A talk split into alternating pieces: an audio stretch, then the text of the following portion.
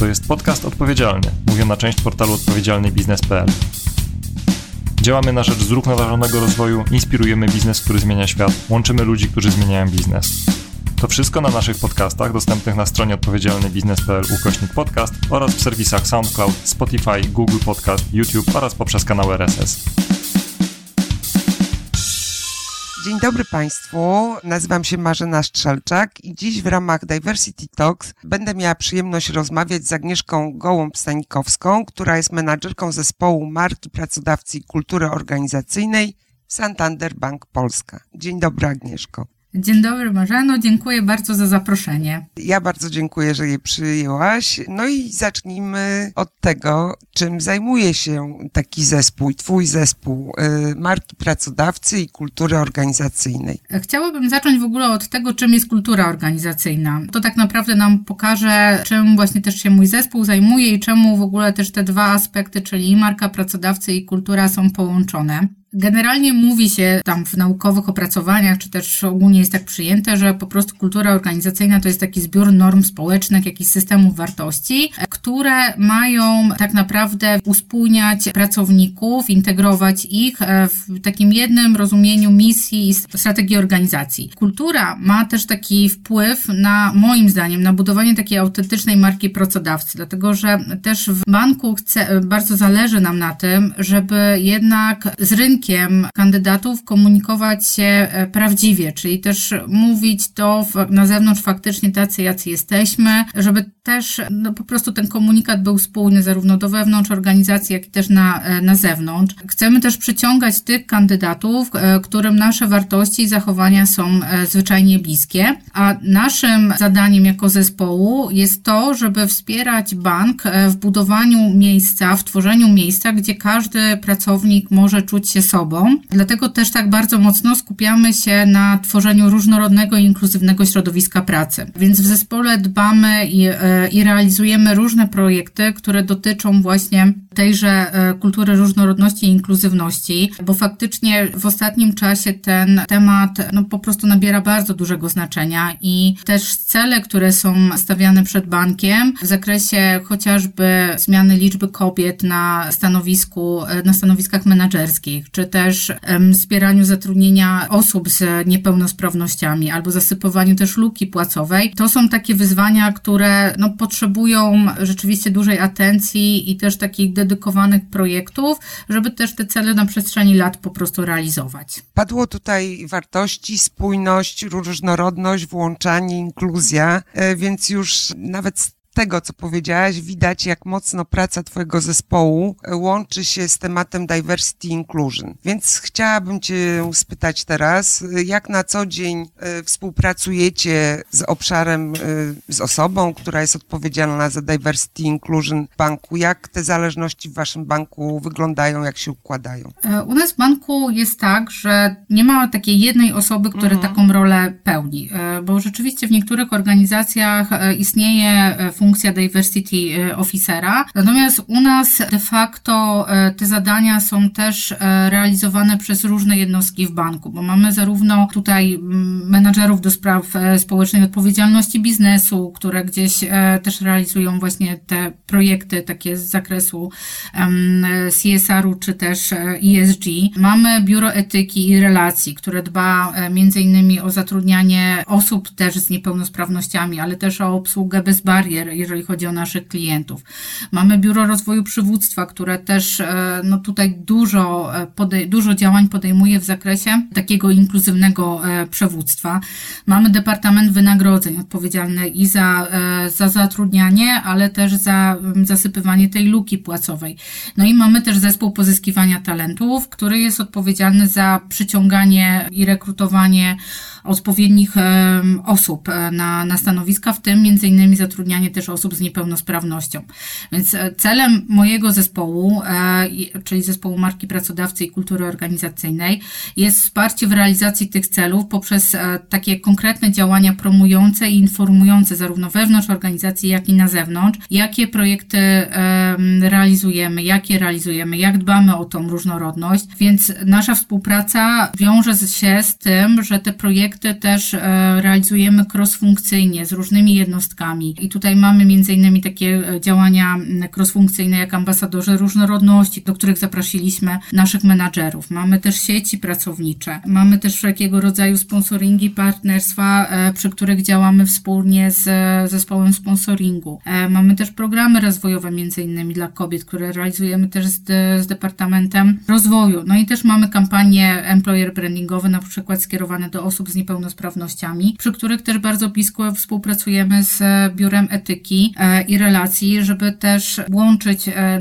te siły chociażby w zakresie te ich doświadczenia, e, które mają z zakresu obsługi bez, bez barier, czy też doświadczenia w zakresie takich ujawnień osób z niepełnosprawnością w organizacji i kreowaniu też dedykowanych benefitów dla tej grupy. To bardzo ciekawy model, o którym opowiadałaś, chociaż wydaje mi się, że też w wielu organizacjach może to wyglądać podobnie, bo tak naprawdę z tego, co mówiłaś, to widać, że te różne aktywności, żeby rzeczywiście organizacja mogła stawać się włączająca, otwarta na różnorodność, są bardzo połączone i powiązane i, i ważne jest, żeby niezależnie od tego, czy to jest zespół marki pracodawcy, employer -hmm. branding, czy y, stanowisko, czy, czy zespół Diversity Inclusion, żeby była jakaś wzajemna koordynacja i, i połączenie tych wszystkich y, aktywności, ale też y, myślę sobie, że ciekawy jest właśnie ten wasz kontekst, ale też myślę, że ciekawe może być to, jak w takim razie jako mm,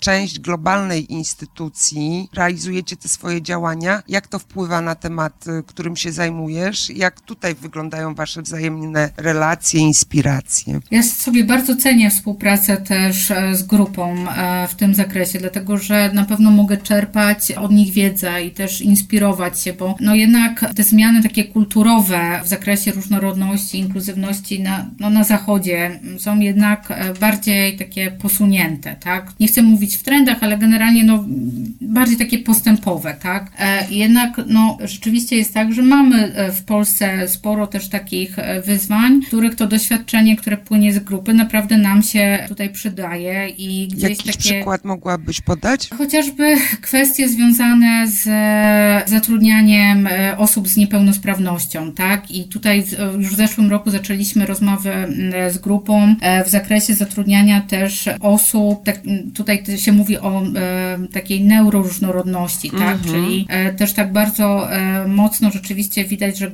grupa stawia taki na, też akcent dość mocny na to, żeby też wzrastała ta neuroróżnorodność i żeby otwierać się chociażby na osoby ze spektrum autyzmu, czy też osoby z zespołem Aspergera. Więc tutaj jest, od nich naprawdę płynie dla nas dużo takiego, dużo takich doświadczeń, z których możemy korzystać, bo oni to już mają też e, za sobą, tak? W sensie takie pierwsze projekty już e, przeprowadzili, mają gdzieś e, też swoje wnioski, z którymi chętnie nami się dzielą. To Tutaj bardzo też... ciekawe właśnie, co mówisz o neuroróżnorodności, bo to w ogóle jest nowy temat, mhm. jak patrzymy na polski rynek i temat, bardzo cieszy mnie to, co mówisz, że przymierzacie się też do rozwoju w tym zakresie otwartości na zatrudnienie w banku, ponieważ Y, już wkrótce ujrzy światło dzienne taki raport, który, przy którym współpracowało Forum Odpowiedzialnego Biznesu i Karta Różnorodności. Właśnie raport poświęcony barierom i kosztowi ekonomicznemu wykluczenia z rynku pracy osób y, ze spektrum autyzmu, osób neuroróżnorodnych. Mhm. Także, ale rzeczywiście jest to temat y, jeszcze mało znany polskim pracodawcom. Tak, Czy mam jeszcze... wrażenie, że on dopiero się zaczął pojawiać, tak? Zaczęliśmy o tym też mówić i dostrzegać naprawdę ogromny potencjał w zakresie zatrudniania tych, e, tych osób. E, I czy mi się w ogóle podoba w tej tematyce różnorodności to, że rzeczywiście zaczęliśmy w ogóle też wydaje mi się jako społeczeństwo dostrzegać to, że naprawdę nie jesteśmy jednolici, tak? I że e, jednak jeżeli chcemy no, w jakiś sposób być też konkurencyjni na, na rynku pracy, ale też żeby żeby też stworzyć naprawdę takie przyjazne miejsce pracy, no to warto jest się otworzyć po prostu na różne osoby, tak? tak jak różne jest po prostu nasze społeczeństwo, tak fajnie by było, żeby no, rzeczywiście ta nasza kultura organizacyjna również była różna i to też oddawała. I dlatego też to bardzo mi się podoba w tym temacie, że to nie jest właśnie traktowanie tego jako takiego trendu, jakiejś mody, która przyszła z zachodu, ale rzeczywiście to jest tak e, po prostu też ważne. Zaczyna to być po prostu po ludzku ważne, żeby nikogo nie, nie dyskryminować i, stworzy, i tworzyć takie przyjazne e, miejsce pracy. No tak, że jest ważne z punktu i w perspektywie każdej osoby, każdej i mhm. każdego, nie tylko pracodawców, a to poza tym jest dobre społecznie, tak, dla spójności społecznej. Chciałabym Cię spytać, no muszę Cię spytać, jak y, COVID y, zmienił y, Twoją pracę? Na pewno to, że pracujemy zdalnie, to, e, to bardzo się pozmieniało i faktycznie to jest tak, że od dwóch lat no, rzadko się rzeczywiście tak gdzieś w realu widzieliśmy, ale to tak, jeżeli chodzi o taki sam aspekt mhm. Fizycznego wykonywania pracy, mhm. tak, osobistego. Natomiast e, też bardzo mocno wpłynął też na projekty, e, które są mhm. realizowane, e, że jednak e, raz oczywiście bardzo mocno zwróciliśmy się w działaniach, jeżeli chodzi o dbanie o dobrostan pracowników i w momencie, kiedy... Już no, nie zaczęła... tylko owocowe czwartki czy piątki, tak? Dokładnie, tak, nie, owocowe, nie, tutaj już owocowych czwartków i piątków to na pewno nie. Ten dobrostan pracowników jednak został, zaczął być postrzegany tak wielowymiarowo, tak, czyli to jest zarówno to zdrowie fizyczne, jak i też to zdrowie psychiczne. My też jeszcze e, tutaj włączamy również ten aspekt związany z relacjami, czy też taką dbałością o dobrostan finansowy, więc mamy takie cztery y, wymiary mhm. dobrostanu. I faktycznie e, bardzo e, zwróciliśmy się w stronę takiego zdrowia psychicznego.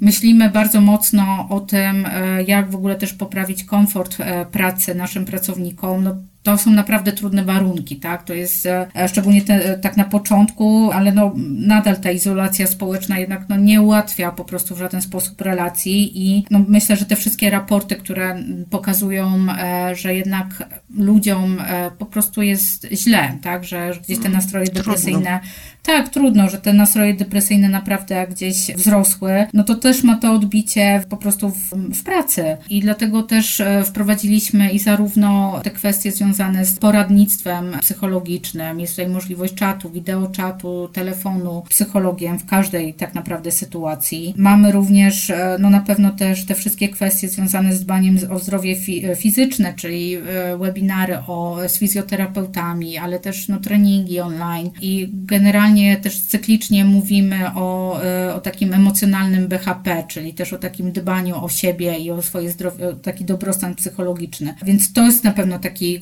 kluczowy projekt, e, który wraz z pojawieniem się pandemii e, u nas zaczął mieć, mieć priorytet i mamy cudowny zespół po prostu, który to też realizuje i bez zaangażowanych osób naprawdę nie udałoby się mieć takich fajnych efektów i, i zaangażowanych pracowników również w te zadania.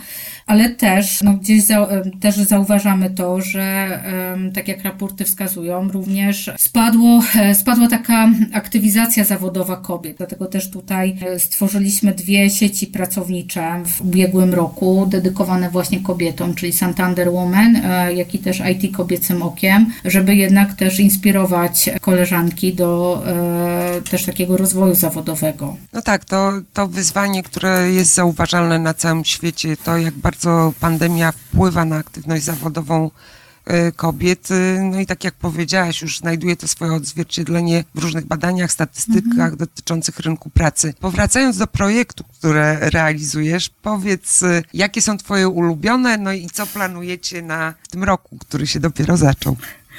E, powiem Ci, że to e, trudne pytanie, dlatego że ja wszystkie, wszystkie się kocha tak samo. Tak, tak na, na, serio lubię wszystkie e, te, e, te projekty, bo, bo rzeczywiście one się gdzieś wiążą po prostu z, no, z taką moją pasją, zainteresowaniami i trudno jest taki wymienić jeden. Natomiast jak już e, bym miała o jednym powiedzieć, no to na pewno kwestie związane z aktywizacją zawodową kobiet. I to nie tylko w zakresie obejmowania stanowisk menedżerskich, ale też w zakresie mm, przeciwdziałania takiemu wykluczeniu cyfrowemu, bo e, rzeczywiście jest tak, e, że dużo się mówiło w ostatnich latach o, tych, że, o tym, że tych kobiet na, na stanowiskach menedżerskich jest mało i To jest prawda i rzeczywiście też tutaj te, te działania powinny być podejmowane. Natomiast e, też ze względu na postępującą e, cyfryzację i ze względu na to, że te jednak technologie zaczynają mieć coraz większe znaczenie w naszym życiu, jednak bardziej większy rozwój będzie e, takich stanowisk technologicznych na, na rynku pracy. I ja widzę duże takie ryzyko, że kobiety mogą być wykluczone z racji tego, że raz raz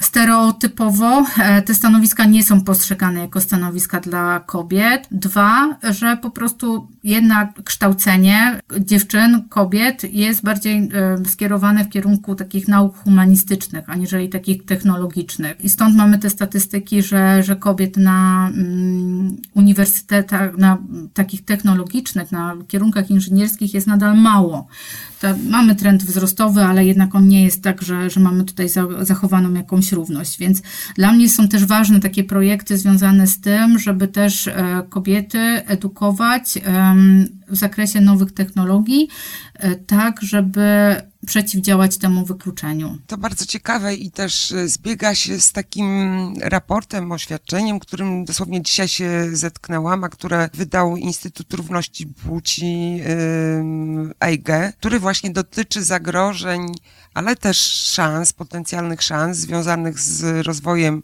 sztucznej inteligencji, technologii, ale też całej tej sfery mm, tak zwanej gig economy y, i tego, żeby no, zadbać o to, żeby w tym rozwoju nie zabrakło perspektywy kobiet, tak? Mhm. Y, więc y, no to rzeczywiście są kobiety, znaczy to są tematy, myślę, bardzo ważne dla kobiet, ale też dla mężczyzn, dlatego żeby no, w perspektywie to um, te społeczeństwa mogły być spójne i dawać szansę każdej i każdemu. Tak, e, no, dokładnie. Czyli rozumiem, że w tym 2022 roku e, też dużo energii poświęcisz na tego rodzaju projekty, tak? E, tak, będziemy e, nadal tutaj działać dość e, mocno w zakresie przywództwa kobiet, właśnie też w zakresie takiej edukacji technologicznej kobiet, ale też dużo, duży nacisk postawimy również na zatrudnianie osób z niepełnosprawnościami, bo faktycznie no to jest taki obszar, nad którym jeszcze też mamy tą przestrzeń, żeby popracować i chcemy też, też pracować, bo um, zależy nam na tym, żeby właśnie tworzyć takie naprawdę naprawdę różnorodne mm, miejsce pracy. I też e, cieszę się, bo będziemy też dalej rozwijać e, sieci pracownicze e, i tutaj bardzo mocno działać z sieciami, które mamy na ten moment właśnie utworzone.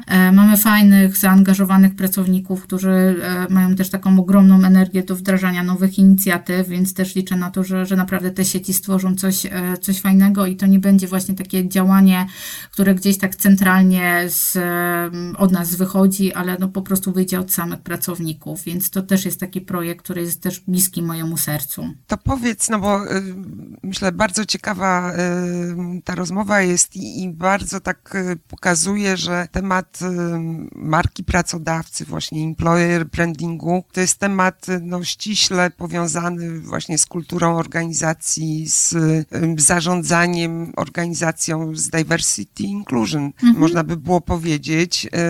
Co coraz więcej jest właśnie różnego rodzaju, pojawia się poradników do, dotyczących employer brandingu. Dla mnie takim no, doskonałym, e, ciekawym jest e, ten, który napisała Zyta Machnicka, lepszy mhm. pracodawca. No ale też chciałabym ciebie e, zapytać o taką radę z pierwszej ręki dla osoby, która no, zaczyna tworzyć taki zespół, o czym powinna pamiętać, no i też jak mierzyć, jak sukces tych działań y, w tak trudnym obszarze, jakim jest kultura organizacji? Przede wszystkim zaczęłabym od tego, żeby wyznaczyć cele, do, do których chce się dążyć właśnie w, w tym, mm. w tym zakresie. I to tak naprawdę nam e, pokaże, z jakimi działami powinniśmy współpracować, bo też tych projektów naprawdę nie da się realizować w same, samodzielnie, po prostu w jednym zespole, dlatego że to naprawdę jest, dotyka różnych wymiarów organizacji, tak? I, i też różnych jednostek biznesowych, więc e,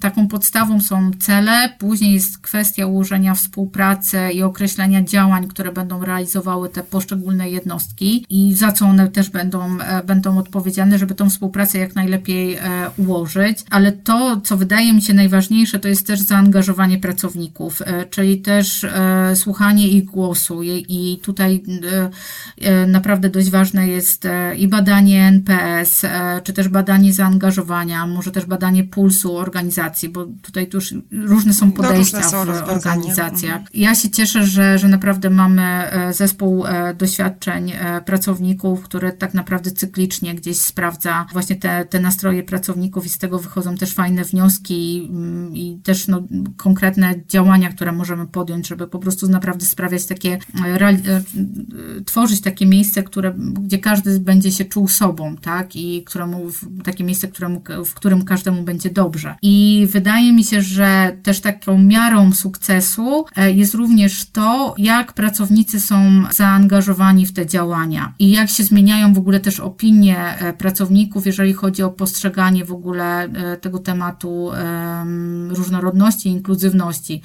No bo też dla wielu może być to po prostu, przez wielu może być to postrzegane jako takie działanie zgodnie z modą, tak? Jakiś taki przemijający trend, e, albo po prostu robienie tego, co robi Zachód, tak? No tak, Em, aż do czasu, kiedy nie doświadczy, że y, Tak. rzeczywiście dotyczy go y, lub Osobiście. jej osobiście, prawda? Tak, dokładnie, dokładnie tak. I jednak m, tak mi się wydaje, że takim sukcesem jest to, kiedy to postrzeganie się zmieni, tak? Czyli rzeczywiście, e, kiedy będziemy mieć mniej takich negatywnych opinii, kiedy będzie więcej e, pracowników też zaangażowanych w te działania, chociażby w poprzez to, ilu, e, możemy to sprawdzać poprzez to, ilu pracowników jest zaangażowanych w sieci pracownicze. Czy ta liczba wzrasta? Tak, to jest dobry E, barometr. Tak. I to, to naprawdę bardzo, e, bardzo dużo po prostu też e, pokazuje. Także oprócz takiego badania nastrojów, gdzieś takiego pulsu organizacji, takim wskaźnikiem sukcesu dla mnie byłoby również to, ile osób mamy zaangażowanych w sieci pracownicze. Zdecydowanie. Y,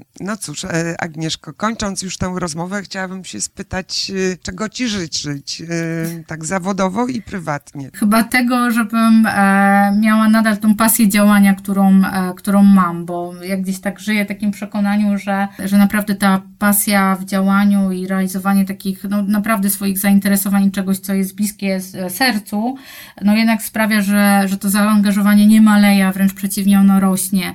E, jednak e, ja chyba rzeczywiście należę do takiego pokolenia, które mm, chce widzieć e, sens i cel swojego działania i, e, i naprawdę mm, myślę, że ta pasja jest naprawdę kluczowa i nie chciałabym, żeby ona e, Się wypaliła. Tak, wypaliła, dokładnie. No ale też, no to życzę ci, tego ci życzę, ale życzę ci też tego, żebyś y, o siebie mogła, umiała zadbać, żeby też y, no nie spłonąć, no bo jak y, To to, się prawda. mówi, y, wypalić się mogą też y, ludzie, ci, którzy za bardzo płoną, tak? Tak, e, tak. Tutaj mamy e, angażują. ten mit Ikara i Dedala, tak? No Mhm. więc myślę, że tak, że to zdecydowanie Żeby... e, niekoniecznie trzeba być też Ikarem i tak być blisko słońca.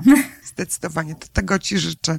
Bardzo dziękuję za rozmowę. Dziękuję. E, Dzisiaj naszą gościnią była Agnieszka Gołąb-Stanikowska, menadżerka zespołu marki pracodawcy i kultury organizacyjnej w Santander Bank Polska. Dziękuję. Dziękuję.